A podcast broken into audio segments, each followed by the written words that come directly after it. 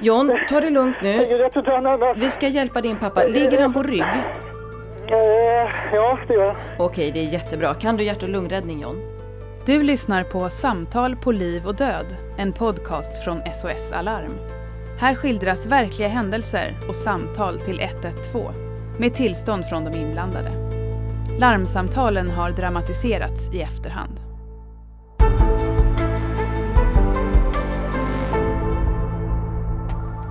SOS 112, vad har inträffat? Ja, hallå? Eh, Det är min eh, pappa som har ont i bröstet. Hur länge har han haft ont i bröstet? En stund. Jag ska hjälpa dig. Vad ringer du ifrån för telefonnummer? Eh, 0704 Och 61 i det samtalet så visar det sig att det är det framgår att det är sonen som ringer om sin pappa. Och han säger att pappan inte mår bra, att han känner sig lite hängig och att det är nog hjärtat som spökar. Jag tar namn och telefonnummer, eller telefonnummer, adress, namnet på pappan och samtidigt som jag gör det så eh, lägger jag samtalet för vidare koppling till sjuksköterskan. Nu är Hornsgatan 190 två trappor. Jättebra, då ska jag koppla dig till en sjuksköterska som ska hjälpa dig vidare. Men jag är kvar i telefonen tills sjuksköterskan svarar. Ja, Okej. Du, tar det lång tid? Nej då, det kan vara lite kö men det brukar gå fort. Okej. John, har din pappa någon medicin som han har tagit? Eh, jo, han har sin eh, kärlkrampsmedicin. Men eh, det, det, det verkar inte hjälpa. Jag fortsätter att ställa lite frågor om, om pappan då har något sjukdomstillstånd sedan tidigare och jo det, det har han ju. Han, har- han har ju haft hjärtproblem och så eh, han hade ju tagit Nitromex som den medicinen när de får lite kärlkramp eller ont i bröstet heter som de ska ta. Du, det, det, det verkar som att det har blivit värre här nu. Okej John, då, då skulle jag vilja be dig att be din pappa sätta sig ner så att han inte anstränger sig i onödan. Så då beskriver jag för honom att eh, pappan under tiden ska sätta sig ner och eh, bara ta det lugnt så att man försöker minska stresspåverkan på honom om han redan har ont i bröstet och så.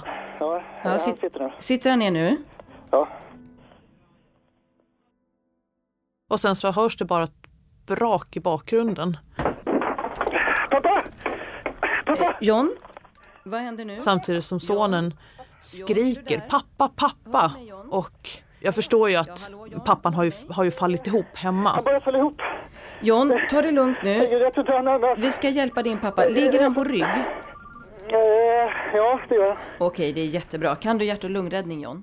Det, det blir bara kaos i samtalet. Eh, nej, eller... jag vet inte. Jag, jag tror det eh, kanske. Sjuksköterska med. Så snabbt så har jag, vi har oftast en väldigt snabb muntlig överlämning till sjuksköterskan så att de vet när de tar över samtalet vad som har hänt. Sjuksköterska Eva här. Bör, lyssna på mig noga nu. Börja med att trycka 30 Sjuksköterskan gånger. hon börjar ju direkt att ge instruktioner för HLR. Du klarar det här jättefint. Ambulansen är på väg. Och när du har tryckt 30 gånger så ska du blåsa in luft. Är du med mig nu Jan? Allt det där går ju oerhört fort. Ja, nu pappa, gör inte så här. Okej Jan, böj hans huvud nu lite bakåt med en hand på hans panna och två fingrar under hakan. Och så gör du två inblåsningar. Så jag hör hur sköterskan fortsätter med sin rådgivning då att tryck på bröstet Gör du det nu Jan? till sonen då. Men för min del så är samtalet över. Okej. Men det händer ju inget.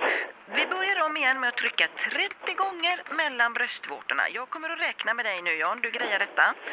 Okej.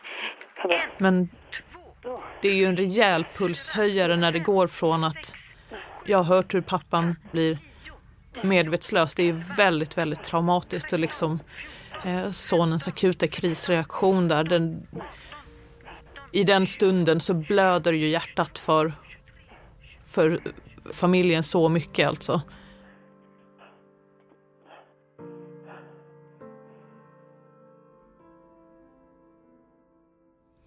Sen så några timmar senare så svarar jag på ett, ett annat typ av samtal vi har. I Stockholms län så har även SOS Alarm eh, en tjänst som heter eh, landstingets transport för avlidna. Så man ringer för att beställa transport till en avliden när folk har eh, dött i hemmet och så. Och då svarar ner det samtalet och sen så känner jag ju igen adressen. Då visade det sig att det var den adressen som, som sonen hade ringt ifrån så pappan hade ju tyvärr då inte klarat sig. Och det är klart att det känns, det känns väldigt ledsamt att en person inte har, inte har överlevt Um, alltså, vi har liksom delat kanske deras livs svåraste stund och det är klart att det, att det sätter avtryck. Men samtidigt så är det den här ändå känslan av att de fick hjälp. Sonen var i otroligt goda händer så även om vi inte alltid lyckas rädda liv så Eh, har vi ändå gjort allt i vår makt för att kunna göra det. Och det är det som jag hämtade mycket kraft ifrån. Du har lyssnat på Samtal på liv och död, en podcast från SOS Alarm. På sosalarm.se hittar du fler berättelser om hur SOS Alarm verkar för ett tryggare och säkrare Sverige.